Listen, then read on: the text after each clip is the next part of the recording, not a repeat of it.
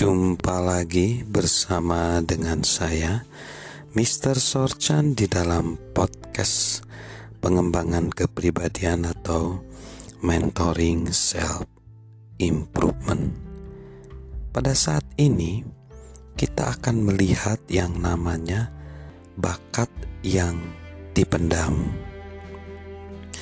Niccolo Paganini dinilai sebagai salah satu pemain biola yang paling hebat sepanjang masa.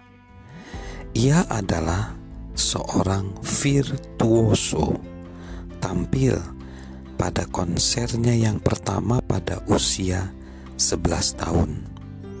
Kemampuan teknisnya yang hebat merevolusi teknik bermain biola seluruh Eropa.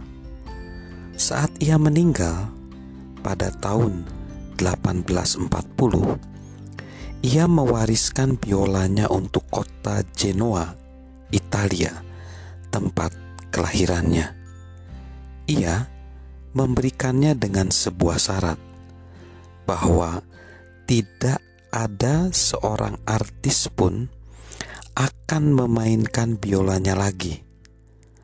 Senang karena akan memiliki biola itu, pejabat-pejabat kota menyetujui permintaannya, dan mereka menaruhnya dalam sebuah kotak yang bagus untuk ditonton semua orang. Tetapi alat musik dari kayu mempunyai sifat khusus. Bila alat itu dipakai tidak akan mudah rusak.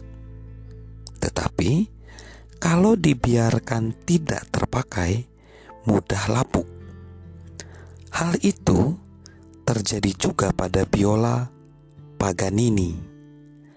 Alat musik yang pada suatu waktu begitu eksekutif sekarang dimakan rayap dan tidak berguna. Biola-biola dari tahun pembuatan yang sama telah diwariskan dari generasi ke generasi dari seorang musisi berbakat kepada musisi yang lainnya dan mereka terus memberikan musik yang hebat kepada pendengarnya. Namun, biola Paganini adalah relik yang pernah jaya, tetapi sekarang telah menjadi lapuk.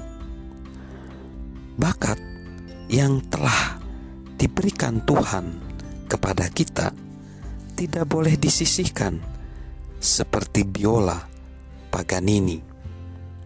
Jika kita tidak memelihara kemampuan kita, itu akan berangsur lapuk sehingga tidak berguna.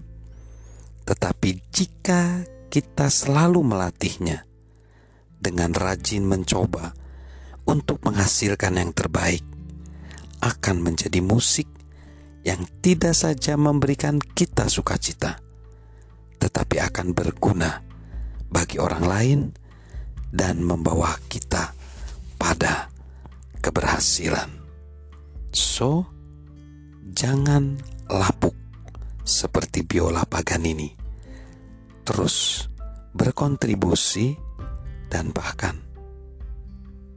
mewarisi kepada generasi berikutnya. Salam regenerasi dari saya, Mr. Sorjan.